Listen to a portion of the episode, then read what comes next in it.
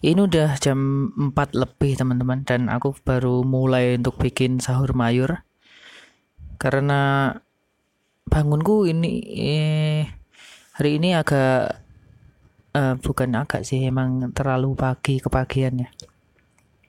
Terus aku juga eh, sebagian baru nyari materi tapi judulnya udah ketemu dari kemarin.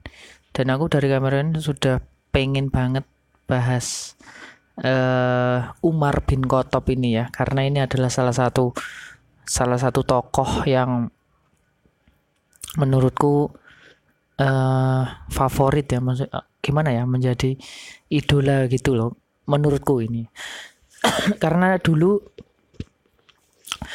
waktu SMP aku pernah dijelasin eh ya maaf sebenarnya uh, sebelumnya karena ini udah pagi jadi ada suara-suara lain kayak suara pompa air dan sebagainya. Jadi gini ya, waktu dulu SMP aku pernah dijelasin nak sama guru pendidikan agama Islamku uh, tentang sosok dari Umar bin Khattab ini dan sejak saat itu sejak di ceritakan hal-hal yang menarik yang lucu dari Umar bin Khattab aku jadi langsung suka sama sosoknya gitu ya. Meskipun waktu dulu tuh masih uh, apa namanya uh, apa ya bukan ilmu sih apa pengetahuan. Ketahuan keta kok ketahuan sih? Ya pokoknya cerita-cerita tentang khalifah uh, Khulafa Rasidin itu masih masih masih kurang lah aku. Masih kurang lah pokoknya ya. Maksudnya sedikit sedikit yang aku ketahui tentang Khulafa Rasidin termasuk Umar bin Khattab tapi sejak SMP itu terus aku jadi wah gitu. Yang yang jad, awalnya cuma tahu nama namanya aja dan cerita-cerita yang nggak nggak terlalu banyak. Tapi sejak saat itu aku jadi nyari-nyari dan nyari-nyari cerita lucunya dan ya sampai sekarang lah. Dan aku dari kemarin udah nyari-nyari lagi karena uh, hilang ya. Maksudnya lupa soal apa apa aja cerita-cerita yang lucu dan udah ketemu. Jadi aku aku sering ini sih. Sering ketawa-ketawa kalau uh, baca cerita-ceritanya Umar bin Khattab ya. Karena uh, beliau adalah uh, sosok penting uh, dalam perkembangan Islam. Uh, dan memang sosok yang paling penting karena sepeninggal Rasulullah Khulafa Rasidin ini adalah tonggak dari kepemimpinan ya. Jadi maksudnya kalau tidak ada keempat keempat apa namanya bisa dibilang keempat khalifah ini nggak tahu ya Islam akan seperti apa ya meskipun tetap dengan ridha Allah tapi kita nggak ini. Nah uh, salah satu cerita yang menarik dan di referensi mana pun kayaknya ada ya. Uh, dikatakan bahwa Umar bin Khattab ini adalah ini teman-teman warga atau orang dari surga, warga surga yang berjalan di muka bumi gitu. Itu yang pertama aja judulnya aja udah aku bacanya wah gitu ya. Maksudnya orang orang surga gitu men. Udah udah bisa dikatakan sebagai warga surga gitu ya. Eh uh, itu menggambarkan bahwa uh, sikap, sifat terus ya pokoknya perbuatannya sangat-sangat lurus ya. Sangat terpuji dan sangat ini karena kalau dikatakan surga itu udah menurutku sih udah udah lolos bertahap eh, tahapan-tahapan untuk ini ya. Karena untuk masuk surga itu kayaknya ujiannya juga sangat sangat sangat uh, apa namanya ya aduh aku mau bilangnya sesuatu tapi apa katanya apa astaga aku jadi blank gini sangat-sangat ketat. Nah, ketat, sangat ketat. Jadi untuk lolos ke surga itu sangat ketat dan Umar bin Khattab ini adalah salah satu warganya. Uh, cerita ini diambil dari uh, apa namanya ya kutipan dialog Rasulullah dengan salah satu nggak tahu nggak tahu di, di Rasulullah bercerita atau gimana ya tapi yang jelas Rasulullah uh, memimpikan pernah bermimpi suatu di suatu malam bahwa dia uh, seperti melihat istana gitu ya melihat istana di surga terus uh, setelah Rasulullah ber, bertanya tuh ada seseorang yang kayak berwudu di sekitar istana itu terus Rasulullah bertanya kepada orang yang sedang berwudu itu uh, apa namanya milik siapakah istana ini ya? Uh, dan orang tersebut menjawab bahwa istana ini adalah miliknya Umar bin Khattab. Lalu Rasulullah bercerita ke Umar ya menceritakan mimpinya itu terus Umar menang sampai menangis. Dan memohon ampun karena uh, Umar nggak nggak ingin ya nggak pengen melampaui ke keistimewaan dari Rasulullah gitulah. Tapi itu udah mencerminkan bahwa uh, se sebegitu hebatnya sifat dan sikap Umar ya. Sampai-sampai ya itu tadi lah maksudnya surga men. Kayak kayak ada jaminan gitulah. Garansi masuk surga gitu. Itu yang pertama. Yang kedua adalah dia itu juga orang yang ditakuti. Dan ini, ini udah uh, subuh ya. Dia adalah orang yang ditakuti orang yang disegani. Meskipun kehidupannya itu sangat sederhana sangat sangat merakyat ya dan dia pokoknya meskipun khalifah tapi dia sangat ya pokoknya sederhana lah hidupnya juga nggak di istana terus ya rumahnya ya rumahnya bukan istana terus kendaraannya juga cuma keledai kecil gitu. Ya meskipun kita kasihan sama kedele, keled, keledainya ya. Ya kalau perang sih tetap kuda sih. Terus dia juga meskipun berperawakan tinggi besar tapi tidak sungkan untuk bersikap sopan kepada rakyatnya yang notabene adalah orang-orang kecil ya.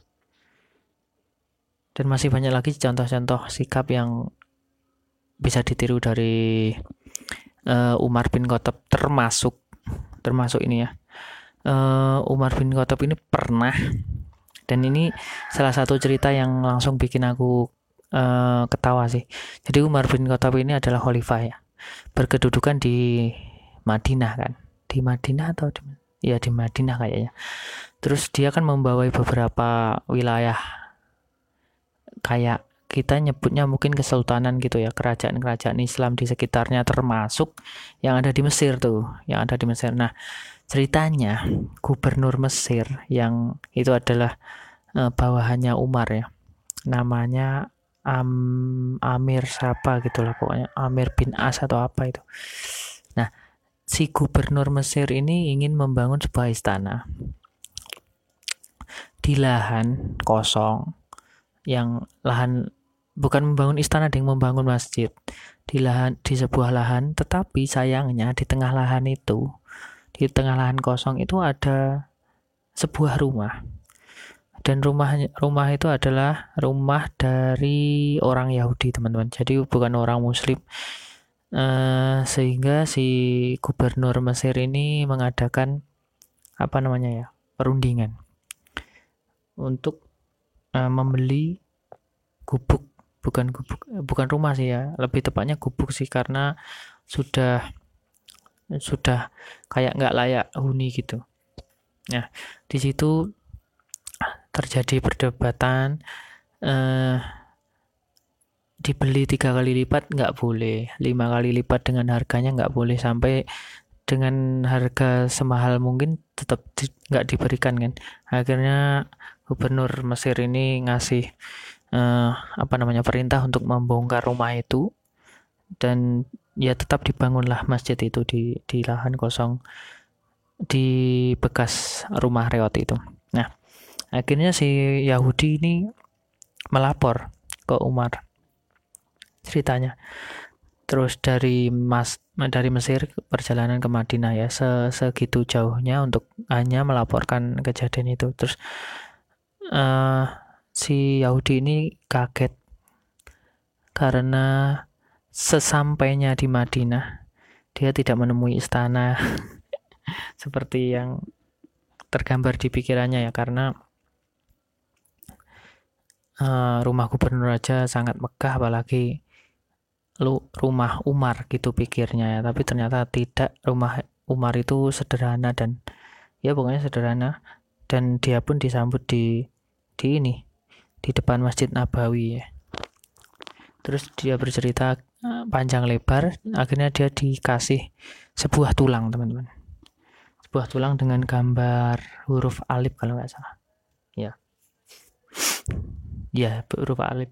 Seingatku huruf alif sih seingatku terus setelah dikasih itu nah eh, oleh Yahudi pulang kan? Si Yahudinya pulang terus akhirnya eh, memberikan tulang bergambar huruf Arab itu tadi ke gubernur Mesir itu. Terus di situ gubernur Mesir ketakutan.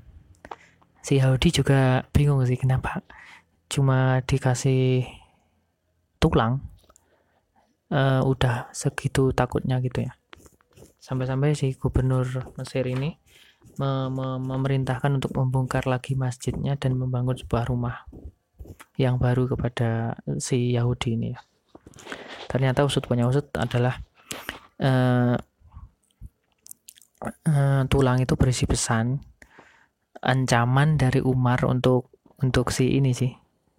Meskipun cuma huruf Arab ya, huruf alif itu tadi ya, tapi uh, gubernur si gubernur Mesir ini udah paham.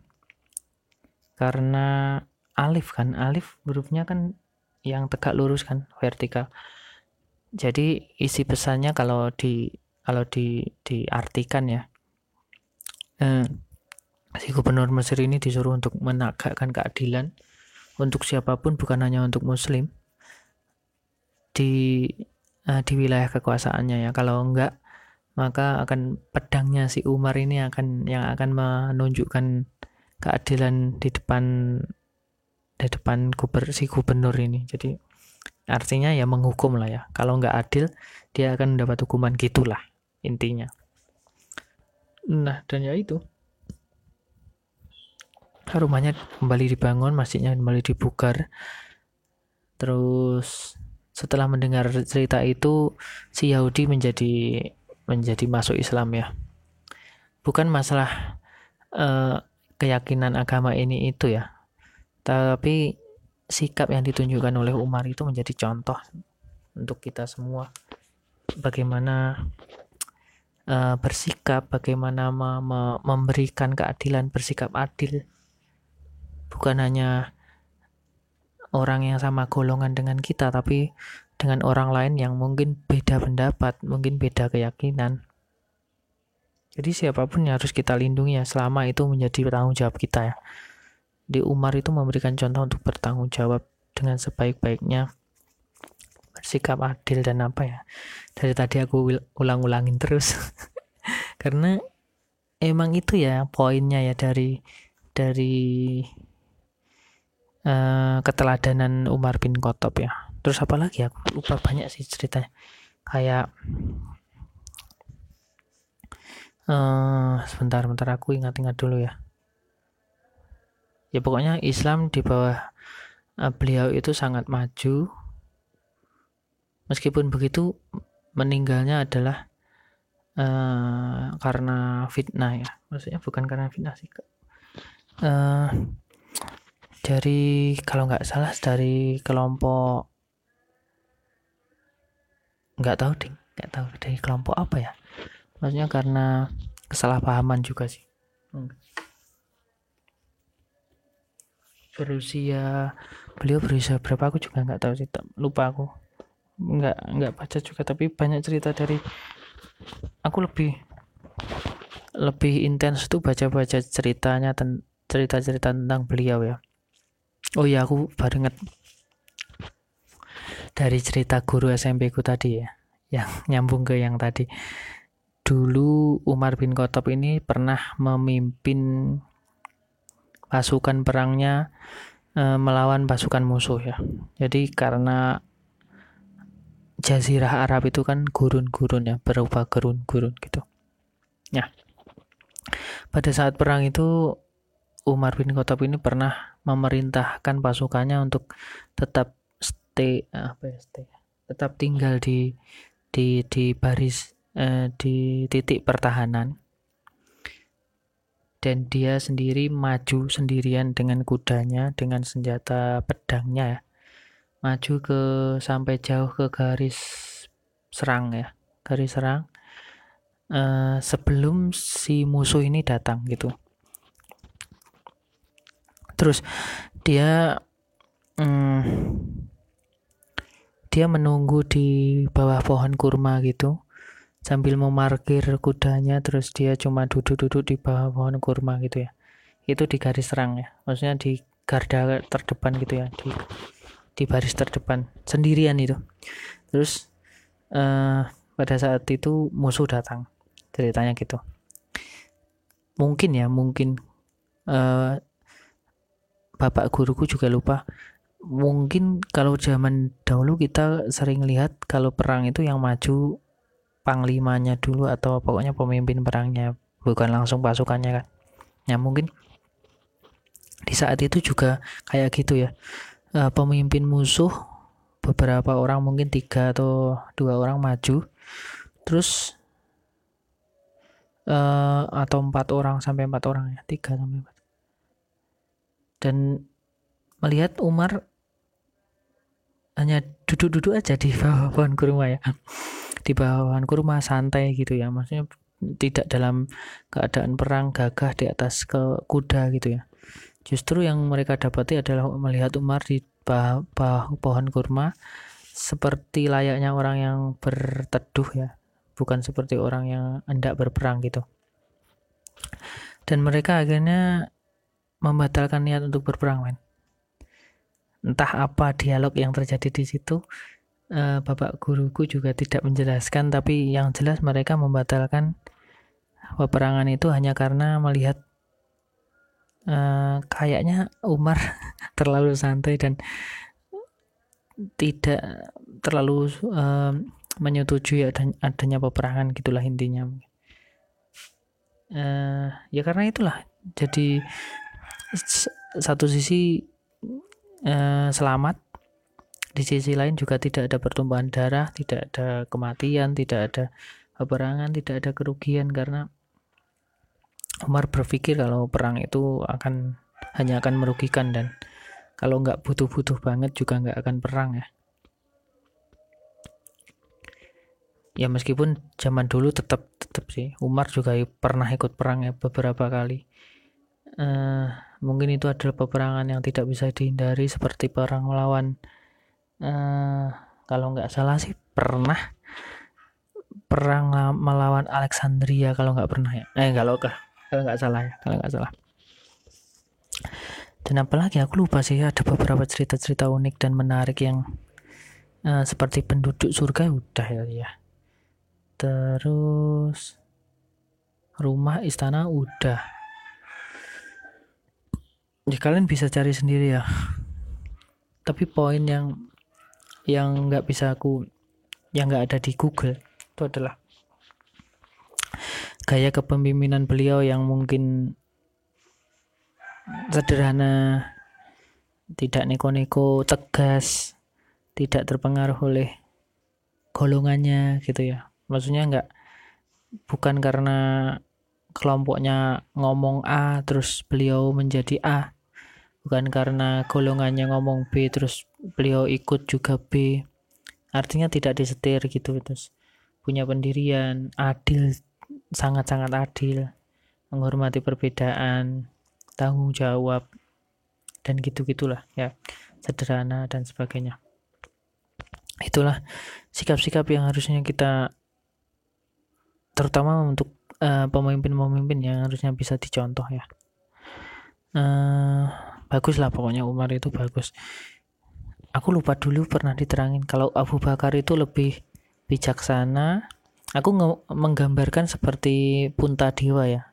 So, kalau di pewayangan Punta Dewa itu bijaksana kan. Kalau Umar itu tegas berwibawa seperti layaknya Bima kan. Hampir mirip juga ya ceritanya. Terus Usman itu aku lupa Usman apa tapi yang jelas Ali itu adalah kepandaiannya Ali itu di antara keempatnya mungkin yang paling pandai ya. Mungkin Ali itu kalau digambarkan Nakula Sadewa gitu tapi aku nggak nggak nemu bukti bahwa Nakula Sadewa itu adalah uh, yang terpandai di antara saudara-saudaranya ya. Mungkin ada mungkin nyambung nggak sih ya? Mungkin ya karena agak kalau aku sih kayaknya ada kemi, beberapa kemiripan gitu. Tapi khusus kalau aku bisa kalau aku disuruh milih dari keempatnya aku pilih Umar sih. Umar lebih lebih lebih lucu teman-teman. Uh, apa namanya? Alasannya lebih lucu sih. Kalau yang lain mungkin tegas ya tegas tapi nggak punya cerita-cerita lucu gitu ya. Hidupnya santai gitu loh men. Mungkin yang lain Abu Bakar mungkin berwibawa dan ya berwibawa dan ini ya. Oh ya satu lagi. Dari beberapa referensi yang aku baca Umar itu sebenarnya nggak su nggak suka bercanda sih. Nggak banyak omong juga. Tapi kenapa ya? Menurutku uh, apa namanya keputusan yang dia ambil itu lucu-lucu gitu unik gitu lah pokoknya beda dari yang lain untuk menyelesaikan masalah. Karena lebih mengedepankan kesederhanaan lebih mengedepankan dialog terus mengambil keputusan dengan tepat dengan bijaksana gitu ya. Ya pokoknya gitu gitulah aku penginku ya punya sifat yang kayak gitu ya, ya meskipun gak sesempurna itu tapi dalam beberapa hal seperti mengambil keputusan terus bisa uh, menengah menengahi masalah. Menengahi itu apa ya? Menjadi penengah. Menjadi penengah yang adil bagi A dan B yang berselisih gitu ya. Pengen pengen banget sih aku kayak gitu ya. Dialog. Nah dialog juga sangat penting teman-teman sampai-sampai aku berpikir kalau semua masalah itu cuma salah paham kan? Terus solusinya adalah dengan bukan solusi tapi cara untuk mencari solusinya itu adalah dengan dialog. Dialog dialog dialog itu penting menurutku. Dan hampir semua aku yakin eh, mayoritas permasalahan itu bisa diselesaikan sebenarnya dengan dialog uh, nyari apa yang A pengen dan yang apa yang B pengen apa yang C pengen. Meskipun nanti nggak bisa disatuin karena ke peng, mungkin keinginan mereka bentrok. Tapi paling tidak kita bisa mendengar apa aspirasi mereka terus mungkin dicari jalan tengahnya. Bisa agak menguntungkan A bisa agak menguntungkan B dan C secara bersamaan gitu ya tanpa merugikan mereka dari masing-masing mereka gitu jadi menurutku penting banget ya untuk dialog dialog. Mungkin beberapa keputusan kalau terjadi jalan buntu itu karena nggak ada dialog nggak dialognya nggak berjalan musyawarah. Kalau zaman dulu mungkin di Jawa atau di is di Islam udah banyak musyawarah ya. Sangat penting itu musyawarah tapi zaman sekarang nggak ada dialog yang sehat gitu ya. Adanya debat debat-debat yang lebih lebih pengen menjatuhkan tidak lebih pengen menjatuhkan daripada mencari solusi gitu ya. Lebih pengen mencari yang salah daripada yuk kita bareng-bareng cari benarnya gimana cari cari yang terbaik. Bukan benar salah deh uh, solusi terbaiknya gimana gitu dialog. Jadi aku lebih yang paling utama dari Umar itu adalah dialog gitu ya. Pengen banget teman-teman aku jadi orang yang yang yang bisa menjadi penengah itu sih dialog dengan dialog-dialog ya. Jadi kekuatan dialog itu bisa menyelesaikan masalah-masalah sih sebenarnya. Pokoknya ngalah bukan ngalah sih sebenarnya uh, kayak kayak seleh gitu seleh apa ya? Uh, kayak menaruh egonya terus mari bersama-sama ngambil keputusan yang tengah yang saling menguntungkan dan tidak merugikan. Uh, mau menerima gitu ya yang A juga mau menerima yang B oh ya gini, gini aja gitu yang mau menerima terus akhirnya mendapat solusi yang bagus ya. Maksudnya pasti ada solusi yang lebih yang lebih bagus dari apa yang kalian punya gitu. Yang A punya ini oh ternyata B seperti itu. Gimana ya caranya untuk ini untuk ini? Pokoknya mau mau menyatukan gitu ya. Bukan mau menang sendiri gitu ya meskipun sulit sih karena banyak banget masalah-masalah yang rumit masalah-masalah yang besar yang menyangkut sangkut pautnya eh mm, ya sangkut pautnya itu adalah sesuatu yang besar ya. Tetapi dengan dialog aku yakin semuanya masih bisa ini ya. Dialog dan saling pengertian gitu aja sih. Mungkin sekian dulu teman-teman ya. Ini udah setengah lima lebih mudah-mudahan pesannya nyampe ya. Kalian bisa baca cerita-cerita tentang Umar itu banyak di YouTube banyak. Bahkan ada serialnya dulu Umar itu ya. Kalian bisa baca juga. Terima kasih teman-teman. Uh, kita jumpa lagi di podcast sahur mayor besok. Uh, ini ngomong-ngomong tanggal berapa ini ya? Tanggal 1 men. Selamat Hari Buruh ya, 1 Mei ini. Sampai jumpa besok. Dadah.